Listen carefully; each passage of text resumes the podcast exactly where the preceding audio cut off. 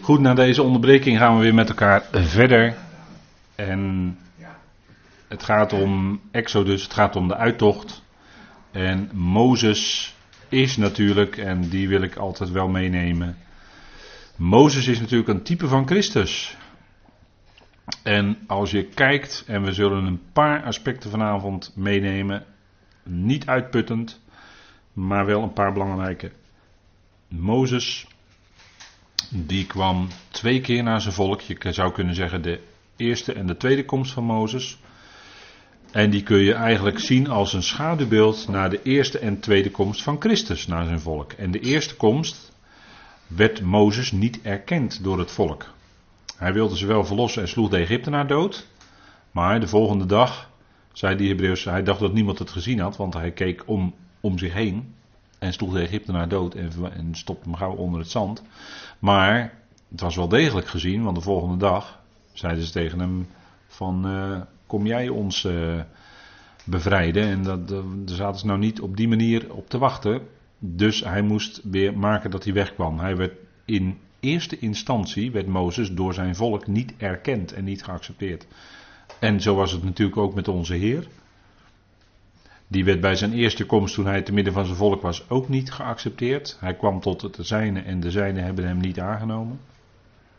Er waren er wel natuurlijk die hem volgden, maar over het grote geheel nam het volk hem niet aan.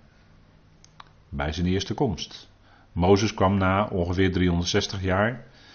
En de Heer kwam na bijna 483 jaar. En wat bedoel ik dan? Dat zijn die 69 jaarweken van Daniel. Die waren op de tiende Nisan bijna vervuld. Toen hij Jeruzalem binnentrok. En toen waren er eigenlijk nog maar zeven jaar te gaan. Hè. Toen, hij zijn bediening, toen was hij uh, al heel ver in zijn bediening. En toen waren er eigenlijk nog maar zeven jaar te gaan en dat hadden ze kunnen weten. Mozes kwam ook na 360 jaar en de profetie was dat ze 400 jaar, na 400 jaar zouden ze verlost worden. Dus het volk had het ook op die manier kunnen weten en in beide gevallen toch niet geaccepteerd. De tweede komst, als Mozes voor de tweede keer komt bij zijn volk, dan is hij 40 jaar in Midian geweest. En dan wordt, komt de verlossing wel tot stand onder zijn leiding. En dat zal met de Heer Jezus Christus ook zo zijn. Dan zijn die 490 jaar wel vervuld van Daniel. Die 70ste jaarweek is dan helemaal vervuld. En dan zal de Heer ook komen. En onder zijn leiding zal het volk dan ook verlost worden. Dus daarin is Mozes een type van Christus. En ze worden ook bij gelegenheid bijna in één adem genoemd. Hè? In Johannes 1, wat ik net al even citeerde staat ook dat de wet is door Mozes, of de Torah is door Mozes gegeven, de genade en de waarheid zijn door Jezus Christus geworden. Johannes 1, hè? dat zijn bekende woorden, denk ik. Maar ze worden ook allebei genoemd in Hebreeën 3. Mozes bouwde zijn huis en de zoon, dat is de Heer Jezus Christus, is bouwer en is trouw in geheel zijn huis. En daarin worden ze dus ook bij elkaar gebracht en kun je ook zien dat ze dat Mozes een type is van Christus. Hebreeën 3. Ik geef het maar even mee om nog eens na te lezen. Dan Mozes een type van Christus. Mozes was een profeet. Mozes was profeet. En we hebben toch gelezen in de Torah in Deuteronomium 18 dat er een profeet zal komen als Mozes. En dat is de Heer Jezus Christus natuurlijk. En die zou woorden spreken en dan zouden ze het weten dat hij het is, de Messias. Maar Mozes was een profeet en de Heer Jezus Christus is natuurlijk een profeet. Hè. In openbaring wordt de Heer onthuld, hè, want de openbaring is eigenlijk de onthulling van Jezus Christus. En hij wordt in openbaring onthuld als de grote profeet, priester en koning. Zo kun je ook het boek Openbaring indelen. Dan heb je het uh, deel over de politieke verlossing van de aarde. En allereerst van Israël, maar van de aarde. En ook de religieuze verlossing van de aarde en van Israël. En dat staat in het zogenaamde tempelgedeelte van openbaring. En dan zijn de gerichten heel ernstig. En daar zitten we nu middenin, in het tempelgedeelte van openbaring. Als u studies van openbaring volgt, dan weet u dat. Dan gaat het nu uitgebreid over het geheimenis Babylon. Dat is heel Dat is heel diepgaand, is dat uh, al meer dan 100 jaar geleden door broeder nog op tafel gelegd. Het geheimenis Babylon, studies uit 1917, alsjeblieft. En die staan nog, die staan als een huis hoor, die studies. Daar, hoeft daar hoef je niks van in te leveren. Waarom? Omdat het gebaseerd is en komt direct uit het woord van God vanuit de grondtekst. Profeet. Mozes is leider van het volk. En de Heer Jezus is natuurlijk bij uitstek de leider van zijn volk. Het heil is uit de Joden. Hij kwam uit de stam Juda. En als zodanig kon hij tijdens zijn aardse leven de tempel niet binnengaan. Want hij was uit de stam van Juda en niet uit de stam van Levi. Dat staat allemaal in de Hebreeënbrief hoor. Ik vertel u echt niks nieuws. Want Mozes was priester uit de stam van Levi. En daarom mocht Aaron de priesterdienst en dergelijke instellen. Mocht Mozes ook die hele tabernakel natuurlijk ook laten opbouwen enzovoort. Omdat hij uit de stam van Levi was, de stam van de priesters. En Christus is ook priester, maar dan van een hogere orde dan Levi. Namelijk de ordening van Melchizedek. En dat wordt ook uitgelegd in de Hebreeënbrief waarom dat een hogere ordening is. want Melchizedek, daar gaat het om de priester-koning. Wordt genoemd in Genesis 14. Zomaar lijkt hij zomaar uit het niets, is daar ineens Melchizedek. Ja, dat heeft natuurlijk een hele diepe betekenis. Dus Mozes is een type van hem. Die zijn mensen, die zijn mensen, zijn met een hoofdletter, mensen uit de wereld trekt. Let op de naam Mozes, hè. De Heer trekt zijn mensen uit de wereld om ze in zijn aanwezigheid te brengen. En u ziet ook op deze dia een embleem van de stam Juda en de stam Levi. Een beetje kunstzinnig dan weergegeven. U kunt al die twaalf stammen ook in emblemen zien. Dat is heel mooi. Daar zijn we een keer geweest. Dat was in de Shul, de synagoge in Enschede, als ik het goed zeg. Dat was Enschede, hè? Ja. Daar, uh, als je daar een prachtige synagoge hebben we een rondleiding gehad. En daarin zie je dan ook, als je in het grote, grote zaal komt, zie je dan ook op het plafond al die aanduidingen van die stammen. Heel mooi. Mozes, een type van Christus. En dan de uittocht. De uittocht na de tien plagen, zoals dat dan heet. Hè? En dan heb ik u voor deze, op deze dia even voor u samengebracht. Al die teksten die spreken over het hart van de farao. want er is nog wel eens wat discussie over. Uh, hoe zit dat nou bij die farao? Was het nou zo dat, zo wordt het vaak uitgelegd, hè? dat heb ik meerdere uitleggers horen doen. Dat eerst farao zijn eigen hart verhardde. En omdat dat gebeurde, ging daarna Yahweh zijn hart verharden. Maar als je de tekst volgt van Exodus, en hier staan de teksten op deze dia, dan is dat toch, komt toch een ander iets naar voren. Uh, Yahweh zei namelijk al tevoren tegen Mozes dat hij, Yahweh dus, het hart van de farao zou verharden. als je bijvoorbeeld kijkt in uh, Exodus 4, vers 21, als dat even met elkaar opzoeken.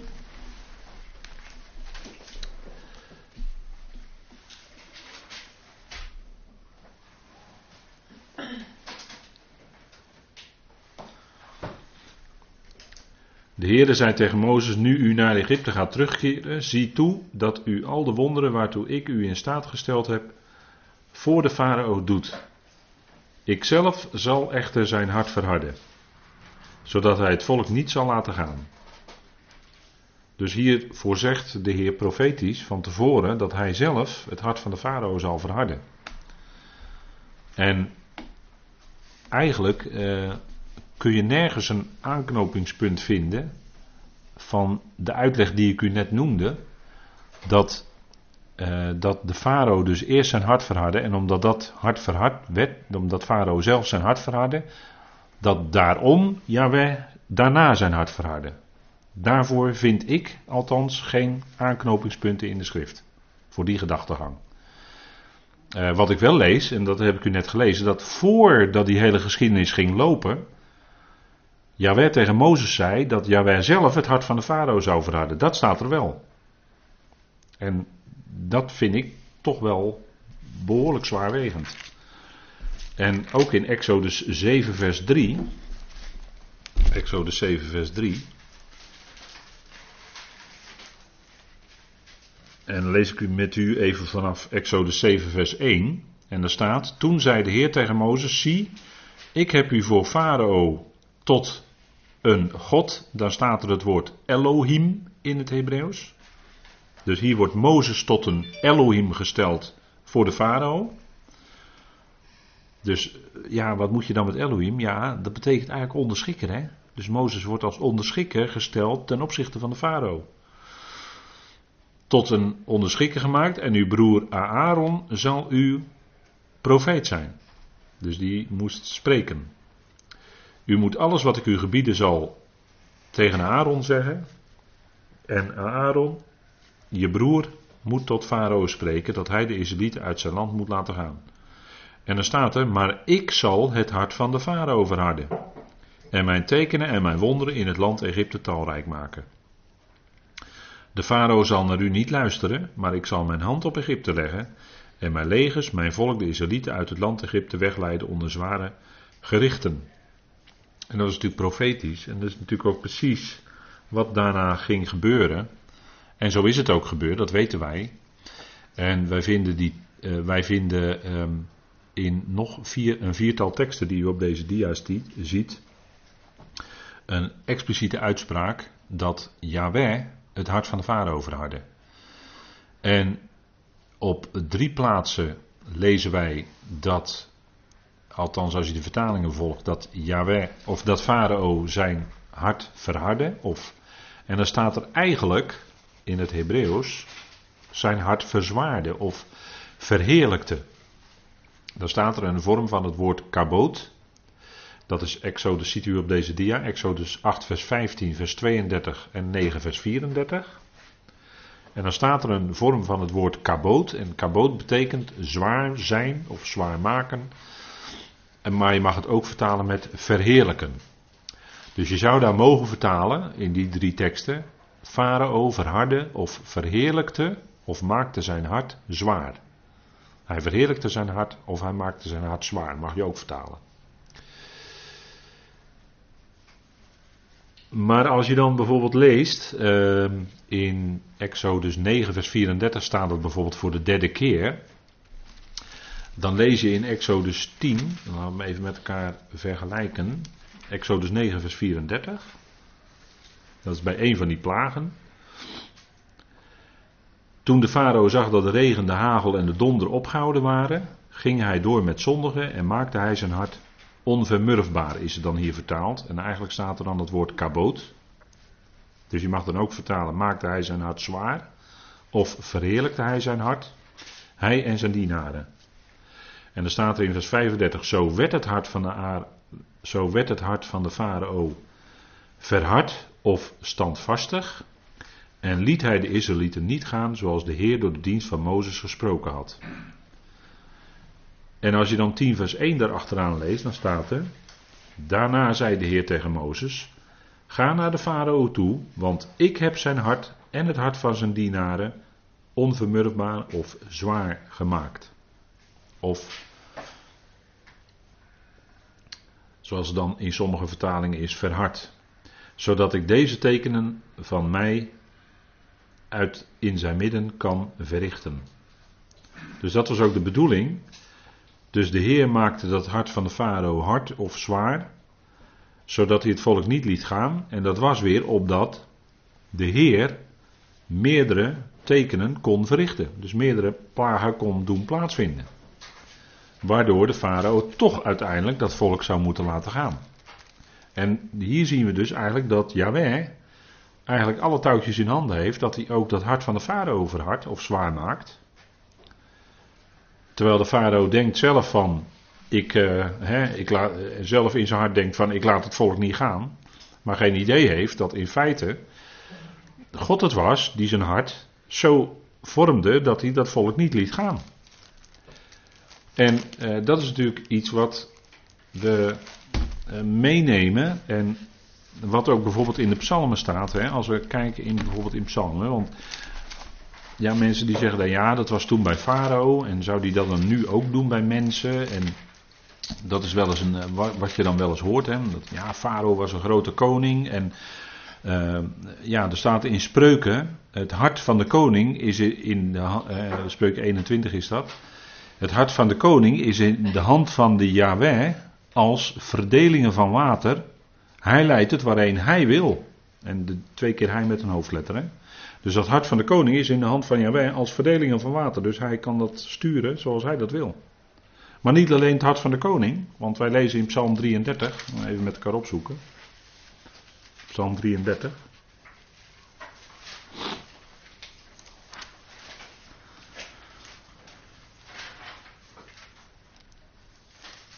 En lees ik met u even vanaf vers 13. De Heere ziet uit de hemel en ziet alle mensen, kinderen. Vanuit zijn verheven woonplaats aanschouwt hij alle bewoners van de aarde. Hij vormt hun aller hart. Hij let op al hun daden. Dus hier zien we zelfs dat de Heer zegt dat hij al die harten van die mensen vormt. Dat is wat. Dat is wat. En dat vormen, ehm, dat is hier het woord, uh, ja, wat je zou kunnen zeggen, hè, als het vanuit het Hebreeuws het woord yatsar is, dan is dat die pottenbakker eigenlijk, die kneedt en die dat hart dus vormt zoals hij dat hebben wil. En dan zegt hij hier, hij vormt hun aller hart. En dat gaat echt om alle mensenkinderen. Het gaat niet eens alleen om het volk Israël. Nee, het gaat om heel breed al die zonen van Adam. Die worden hier genoemd. En als we even kijken in Psalm 105 bijvoorbeeld, dan zien we een stukje goddelijk commentaar op de geschiedenis van Egypte. Psalm 105.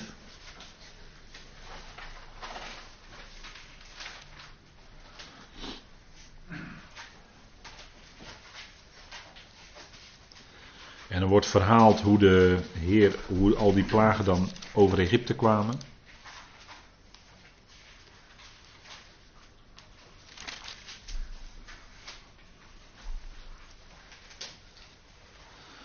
En dan uh, gaat even om die, wat, wat vooraf ging, hè? Psalm 105, vers, uh, vers 23. Psalm 105, vers 23. Daarna kwam Israël in Egypte. Jacob verbleef als vreemdeling in het land van Gam. Een mooi parallelisme. Hè? Hij deed zijn volk zeer toenemen. En hij maakte het machtiger dan zijn tegenstanders. want uh, de farao die had wel bevolen dat die jongetjes in de Nijl moesten worden geworpen. Maar er waren twee van die, hoe noem je dat, vroedvrouwen. Sifra en Pua. alles, allebei die namen betekenen iets als glanzend of schitterend of mooi. En die zeiden van ja, nee, maar die Hebreeënen die zijn heel sterk. Op het moment dat wij komen, dan zijn ze al geboren, de kinderen. Dat zijn sterke vrouwen. En een vroedvrouw, ik weet niet of u dat weet, maar vroed, zoekt u maar eens op in het woordenboek, betekent eigenlijk van origine iets weten of wijs zijn. Een vroed is een wat ouder woord, maar een vroede vrouw is dus een wijze vrouw eigenlijk want we kennen ook uh, de uitdrukking, een wat oudere uitdrukking, maar dat mensen dan zeggen, dat heb ik niet kunnen bevroeden. Weet u het nog? Dat heb ik niet kunnen weten. Dus dat, een vroedvrouw is dus eigenlijk van origine een wijze vrouw. Wij noemen het tegenwoordig een verloskundige. Of als iemand die uh, doorgestudeerd is, is het een gynaecoloog. Maar uh, van oudsher was dat een wijze vrouw. Want die, die wist natuurlijk hoe dat, hè, hoe dat moest gebeuren en alles. En Sifra en Pua, die, uh, die luisterden dus niet naar het bevel van de farao, maar die lieten die jongetjes allemaal geboren worden en in leven. En zo deed Yahweh dat volk toenemen. Hè? Hij maakt het machtiger dan zijn tegenstanders, zegt Psalm 105, vers 24. En dan vers 25. Hij veranderde hun hart. Dus de Heer, hè? Hij veranderde hun hart, zodat zij zijn volk haten. En zijn dienaren listig behandelden. Dus hier zien we dat het Gods werk is. God werkt in een mensenhart. En zelfs dat zo'n mensenhart zich gaat keren tegen, op dat moment, zijn eigen volk. Ook dat gebeurt zelfs. En dan zeg je, hoe is het mogelijk? Ja, maar dat, is, dat, dat kan hij doen, omdat hij God is en omdat hij vanaf het begin het einde overziet en ook voorzegt. En omdat aan het einde, aan het einde komt het allemaal goed, hè? Eindgoed, al goed. En als je vanuit het einde gaat kijken, waar God gaat komen, namelijk dat God alles in alles zal zijn, dan zijn alle mensen dus levend gemaakt. Dan heeft hij aan allen dus leven gegeven. En als je het vanuit dat oogpunt bekijkt, dan, en je gaat dan terug in de geschiedenis, ja, dan, kun je, dan ga je anders naar de geschiedenis kijken. En dan kun je ook iets gaan begrijpen waarom God ogenschijnlijk voor ons een vreemd werk doet, door mensenharten zo te veranderen dat ze zichzelf gaan keren tegen zijn eigen volk. Maar dat is opdat God zijn naam, uiteindelijk in de geschiedenis van Israël, hè, opdat God zijn naam bekendgemaakt eh, zou worden en verheerlijkt zou worden over de hele aarde. Daar ging het om, de heerlijkheid van God. En de heerlijkheid van God gaat ook blijken als hij al die Egyptenaren die toen zijn omgekomen in de Rode Zee gaat opwekken, uit de dood gaat opwekken en later ook gaat levend maken. Dan gaat hij zijn naam nog een keer verheerlijken. Kijk, en dan kijk je dus anders naar die geschiedenis. Dan gaat het ineens op een andere manier tot je spreken.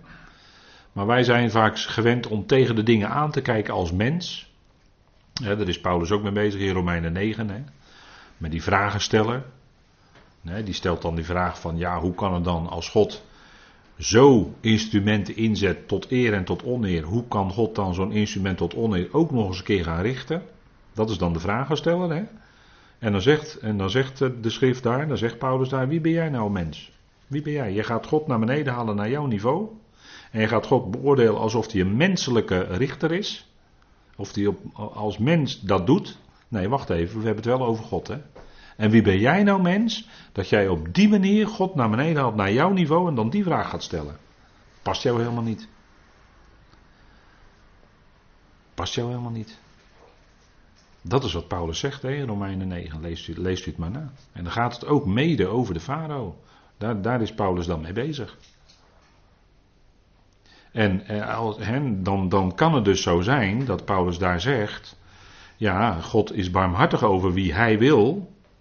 En hij verhardt wie hij wil. Maar let op, dat is wel nog in het proces. Hè?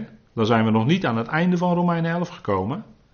Want daar blijkt dat God allen onder de weerspannigheid heeft besloten om zich uiteindelijk over allen ook te ontfermen en hen, over hen barmhartig te zijn. Dat is, het, dat is het eindpunt, daar gaat hij komen. Maar op weg daarnaartoe is het in Gods plan dat hij tijdelijk mensenharten verhardt. Ja, inderdaad, dat doet hij. Dat staat er. Hij verhardt wie hij wil. En dat is wat. En Paulus zegt daar ook niet in Romeinen 9. Hij zegt niet. God verhardt degene die zichzelf eerst hebben verhard. Nee, hij zegt hij verhardt wie hij wil. Wie hij wil met de hoofdletter. En dat is in zijn plan. Hè? Als, hij, als hij dat besloten heeft dat dat past in zijn plan, dan doet hij dat zo. Daar is hij tenslotte God voor. En wij zijn slechts mensen met een heel beperkt hersenpannetje. Heel, heel klein beetje hersenen, we kunnen een beetje nadenken. Maar we hebben nog geen idee over ja, uh, hoe, hoe, hoe dat allemaal in een mens echt allemaal werkt, hoe dat allemaal precies zit. En, en ik las van de week nog dat men in, vanaf 1991 heeft men een ander ecologisch systeem, een soort, soort in, in een soort kast zeg maar, willen bouwen. Uh, en nabootsen de leefomstandigheden op aarde. Nou, dat eerste project vanaf 91 is helemaal mislukt, want men was niet in staat om de omstandigheden zoals die hier op aarde zijn, waarin wij kunnen leven, is men niet in staat gebleken om dat na te bouwen. En het tweede project was, meen ik, ook mislukt. Dus eh, de idee dat wij ergens ver weg eh, op Mars of weet ik wat allemaal eh, zouden kunnen gaan leven, is een idee fix hoor. Dat kunnen mensen gerust wel vergeten. We kunnen nog niet eens hier op aarde dezelfde omstandigheden nabootsen. Met al onze technische knappe kennis die wij menen te hebben. Hè? Maar we kunnen nog niet eens dat nabootsen. En dan zijn we eigenlijk nog maar heel schoorvoetend staan we ergens aan het begin van het begrijpen van iets van die schepping. Of hoe uh, een menselijk lichaam uh, precies in elkaar zit, hoe het precies allemaal werkt. men, men, heeft ook dingen beweerd over dat dingen in de genen zouden zitten. Nou, daar is men ook alweer van teruggekomen. Want het is gebleken dat er veel meer genen betrokken zijn bij zo'n proces als waar men dacht dat men het in kaart had gebracht. Dus hoe verder men komt in de onderzoeken, eigenlijk, eigenlijk zou ik bijna willen zeggen, hoe, hoe meer de mens beseft dat hij nog maar zo heel weinig weet. En, en uh, ja, dat is natuurlijk ook zo als wij nadenken over God en het handelen van God, wat we in zijn woord naar ons toe krijgen. God openbaart zich in zijn woord, hè, maakt zich bekend. Maar we moeten toch wel heel voorzichtig zijn als mensen. En dat wij dan al, al heel snel allerlei vragen gaan stellen. Ja, maar wacht even. We praten hier wel over het handelen van God, hè? Wat God doet. En we kunnen hem niet zomaar naar beneden halen naar ons niveau. Daar zou even heel voorzichtig mee zijn. Alleen maar die schrift naspreken wat de schrift zegt. En als de schrift dan duidelijk maakt, hè, als God zegt dat hij verhardt wie hij wil. En hij barmhartig is over wie hij wil. Dat is dan het werk wat God doet. En dan zouden we dan ons ootmoedig voor buigen voor zo'n uitspraak. Ja, vader, u zegt het, u doet het zo, dus dan zal dat goed zijn. Ik begrijp het niet als mens. Ik vind het heel moeilijk, ik begrijp het niet. Maar u doet het zo, dan zal dat toch het beste zijn. En je dan, dan daarnaar kunnen schikken, dat is niet zo makkelijk. Maar dat zijn wel de uitspraken waar we mee te maken hebben. He, dus dat we heel voorzichtig zijn om uh, ons idee en dan eventjes God te verantwoorden. Nee, dat, komt ons niet, past ons niet zo hoor. Past ons niet zo. Nou, dat is met die uittocht, hè, dat is al een heel moeilijk chapiter hoor. In uh, een heel moeilijk onderdeel van Gods plan. Maar ik heb het u op deze dia even voor u op een rijtje gezet. En zelfs, zelfs, dan wil ik dan wel bij opmerken, zelfs die teksten waarin staat dat Farao zijn hart verheerlijkte of verhardde, zou je vanuit Hebreeuws ook nog anders kunnen vertalen. Waarbij het nog niet eens zo duidelijk is of Farao nou zelf zijn hart verhardde of verheerlijkte. Dat is nog, nog een beetje arbitrair vanuit het Hebreeuws. Maar goed, dat even als een eh, voetnoot erbij. In ieder geval, God is degene die handelde en hij heeft die farao volledig in zijn hand. Volledig. Farao dacht wel dat hij zelf kon beschikken, maar dat was natuurlijk een waan waarin hij liep, want het was later bij Nebukadnezar ook het geval. Hè? Die zei ook, is dit niet het grote Babylon? We hadden het net ook al over de vergelijking Egypte-Babylon. Nebukadnezar, die zei toch ook, is dit niet het grote Babylon wat ik gebouwd heb? Ja, wacht even. Wacht even. Hij moest zeven tijden bij de dieren zijn. En toen daarna kwam hij pas bij zijn verstand. En toen loofde en prees hij God dat God het is. De God van de hemel, de God van Daniel, de God van Israël. Dat die het is die koningen aan en afstelt. Kijk, en toen stond hij op zijn juiste plek, die Nebukadnezar. Toen ging hij dat erkennen.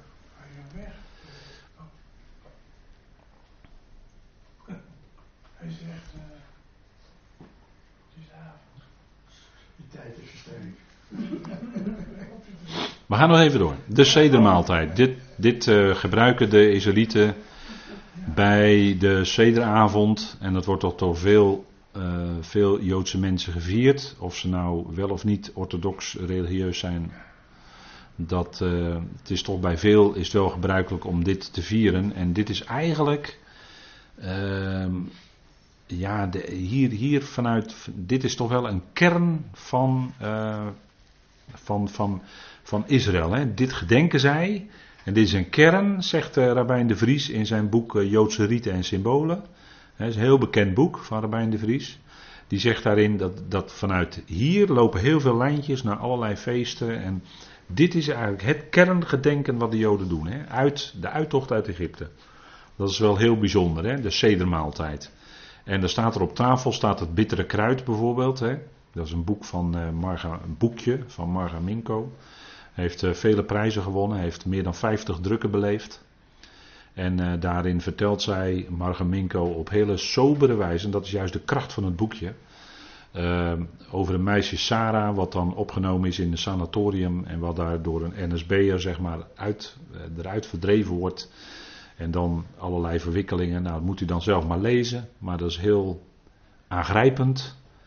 En heel goed beschreven hoe dat dan in die Tweede Wereldoorlog ging. Hè? De enorme discriminatie en antisemitisme wat daar gebeurde. Maar uh, dat is een boekje. Ja, op de literatuurlijst op school was het uh, leuk, want het is een heel dun boekje. En dan had je toch weer een boekje gelezen. Had je weer een streepje op je literatuurlijst. Hè? En het is ook een heel goed boekje hoor. Heel goed om te lezen. Hè? Margaminko, ja.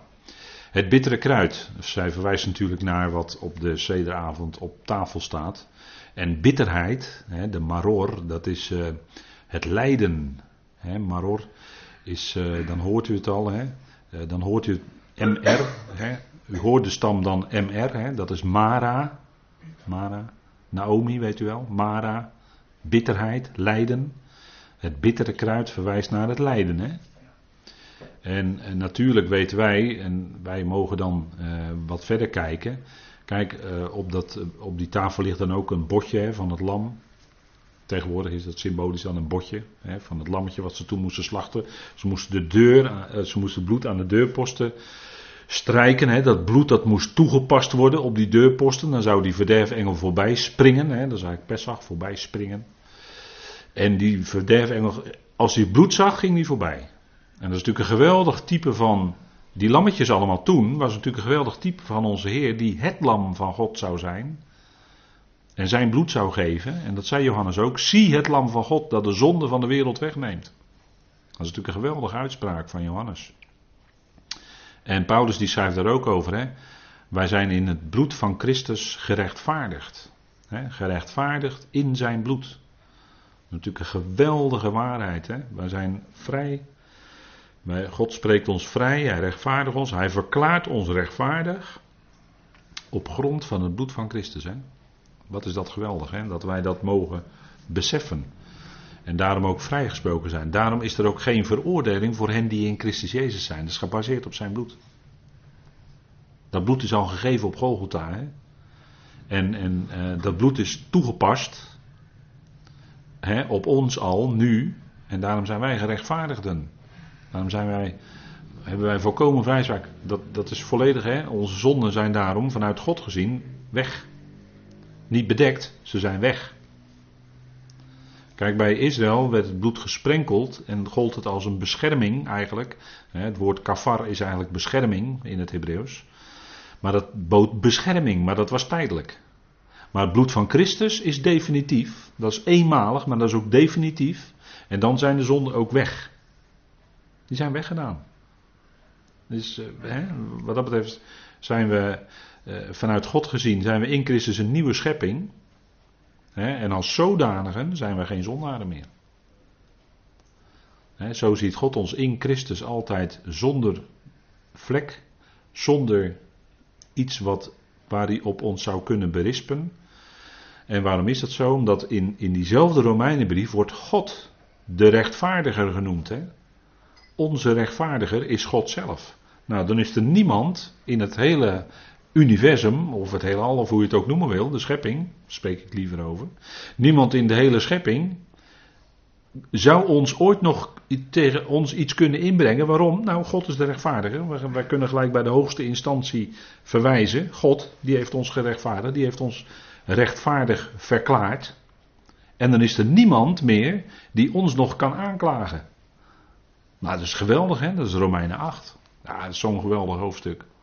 Daar staat zoveel in. Ja, dat is zoveel heerlijkheid, dat is zoveel licht. Dat, is, God, dat spreekt over Gods geest die in ons woont. Wat, wat een kostbaar geschenk is dat. Dat was in voorbije tijden niet het geval hoor. De geest kwam bij gelegenheid wel in de profeten, bijvoorbeeld lees je bij Ezekiel, maar ging daarna ook weer weg, trok zich weer terug. Maar wij zijn verzegeld met die geest. En die geest woont in ons, blijvend, die gaat niet meer weg.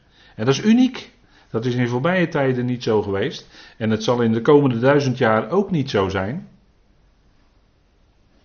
He, dan moet u even nagaan in wat voor tijd we leven. Wat, wat voor een enorme heerlijkheid ons geschonken is.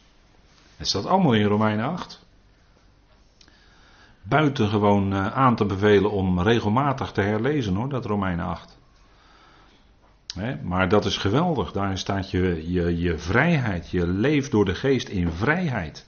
Niet meer, aan niet meer in slavernij gebonden. We hebben het toch over de bevrijding uit Egypte hè, vandaag. Nou, zijn, wij zijn ook niet meer in slavernij gebonden. We zijn vrijgesproken. Staat dan in die vrijheid. En hoef je niet meer terug te keren in slavernij. Naar de vleespotten van Egypte hoor ik eh, de broeder zeggen, ja terecht, want de Israëlieten verlangden wel terug naar de vleespotten van Egypte. En dat is toch voor ons, al die dingen zijn ons tot voorbeelden opgeschreven, zegt Paulus. Dus ja, daar kunnen wij ook onze winst mee doen, hè? als we daar lering uittrekken. Hè? Heel de schrift is ons tot voorbeeld, tot opvoeding enzovoort geschreven. Nou, dat is wat wij dat is wat wij in de typen mogen zien als we kijken naar zo'n prachtige sedermaaltijd. Dat is heel mooi hoor, ik vind het prachtig dat ze dat elk jaar doen.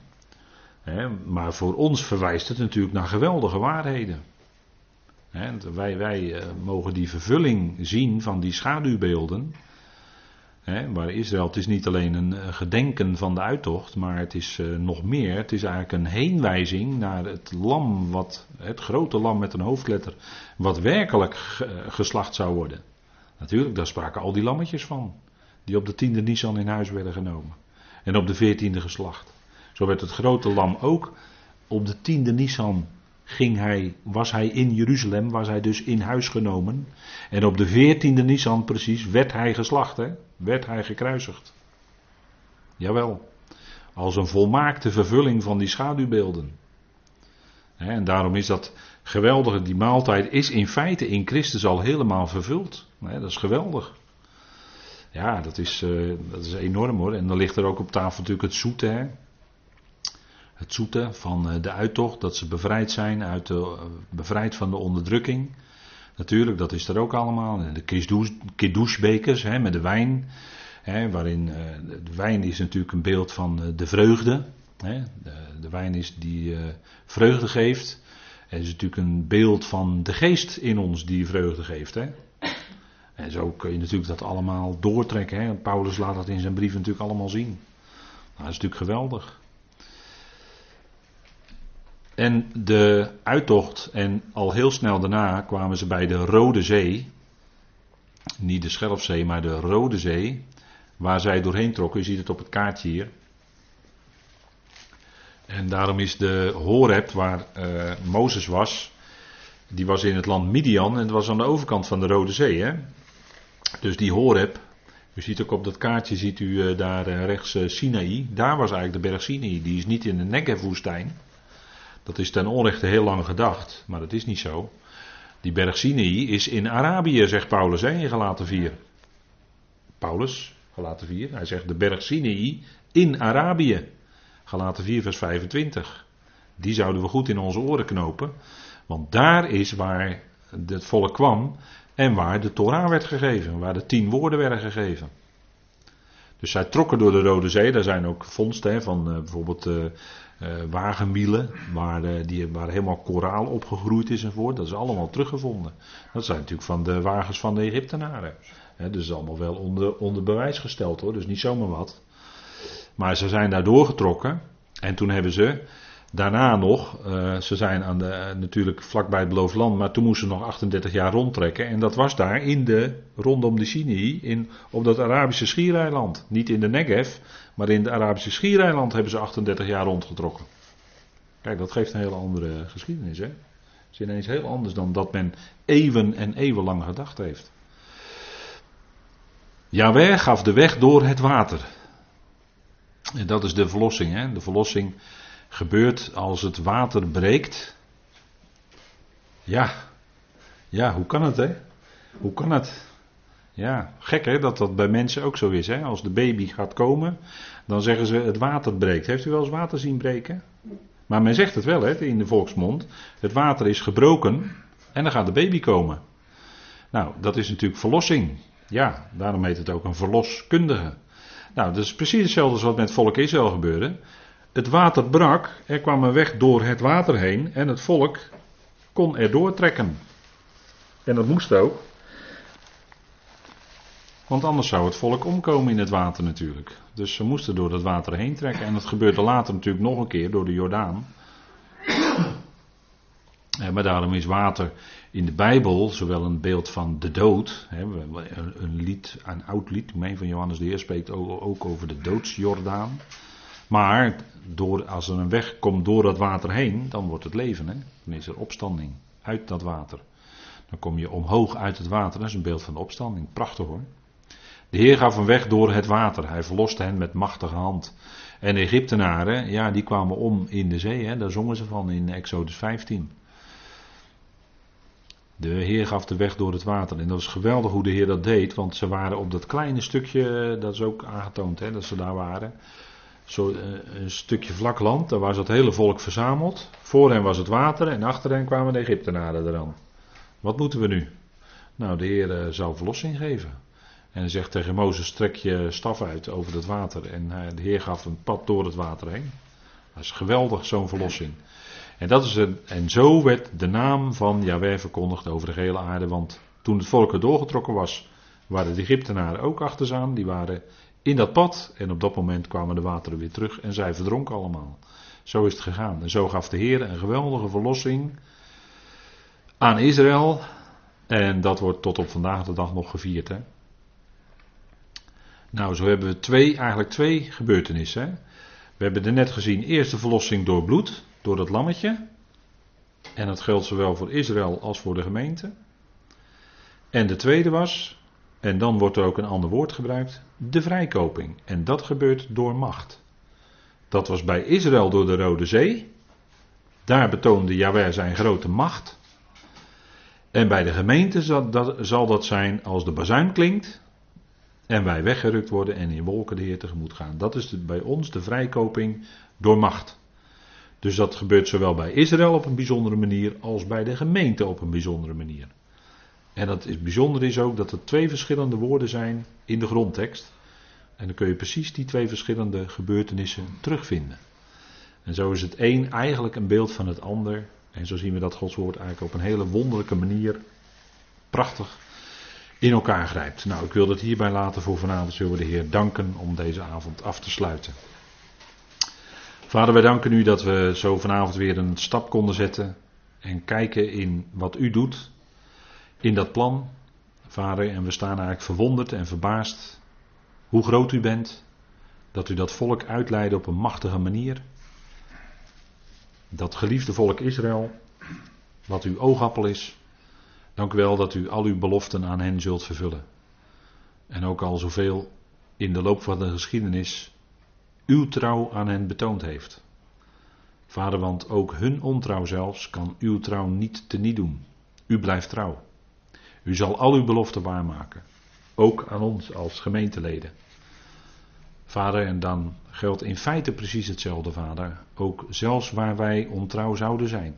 U blijft getrouw. Want u kunt u zelf niet logenen. Vader, dank u wel dat we zo die heerlijkheid van u en van uw woord mogen delen met elkaar. Ons daarover mogen verblijden.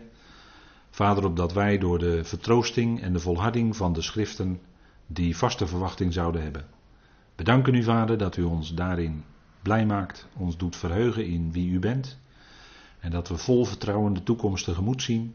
Wetend, Vader, dat u alles uitwerkt in overeenstemming met uw plan, met uw raad. Vader, dank u wel. Dank u wel dat u ons zo rijk zegent. Dat u die geest in ons doet wonen. Dat die geest niet weggaat, maar altijd in ons zal blijven. Bedank u, Vader, voor uw goedheid, voor uw genade, voor de verwachting die u geeft en dat we mogen opzien naar u in alle omstandigheden. Vader, we danken u zo voor deze avond. Vader, dat we ons hier met elkaar mochten verheugen over deze dingen. Dank u wel voor de gastvrijheid hier, het huis wat opengesteld is. We danken u, Heer, dat u alles zult uitwerken volgens uw plan. Vader, dat is goed, want u bent liefde. En u zal alles uitwerken en doen uitkomen naar uw liefdesplan. Vader, daarvoor willen we u danken, loven en prijzen. In de machtige naam van uw geliefde Zoon, onze Heer Christus Jezus. Amen.